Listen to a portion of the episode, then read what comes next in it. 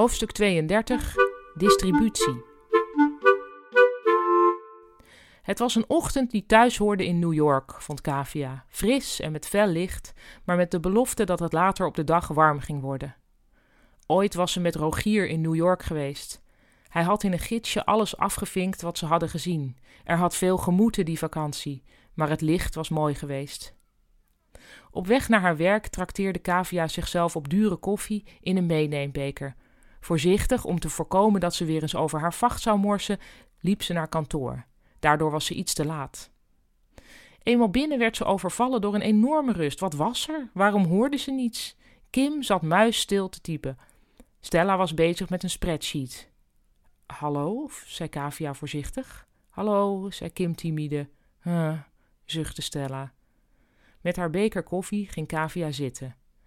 De deur vloog open en Ruud kwam binnen. Zo, rakkers van me. Uiteindelijk is dit natuurlijk voor iedereen beter. Luid neuriënd zette hij zich achter zijn bureau. Kavia haalde diep adem en vroeg: ik, eh, heb volgens mij iets gemist. Dat kun je wel zeggen, ja, zei Ruud. Ik heb net een zwaar geëmotioneerd vrouwspersoon terugbegeleid naar de distributie. Moest Marja weg? Ja, Kavia, zei hij ongeduldig. Iemand met ingebeelde rugklachten hoort niet thuis op deze afdeling. Qua capaciteiten niet, qua interpersoonlijk niet.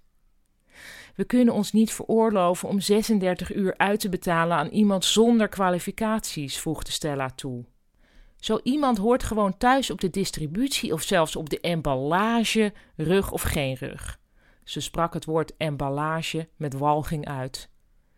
Sorry dat ik hier hard in ben, ging Ruud door, maar ik heb nou ook weer niet het idee dat het je beste vriendin was. Hij keek Kavia aan. Ofwel? Nee, maar, zei Kavia. Dat bedoel ik, zei Ruud. Kavia begon bedremmeld aan het opschonen van de mailinglijst. Moesten Marja bellen of juist niet? Smiddags ging Ruud naar een seminar en werd de sfeer op de afdeling langzaam losser.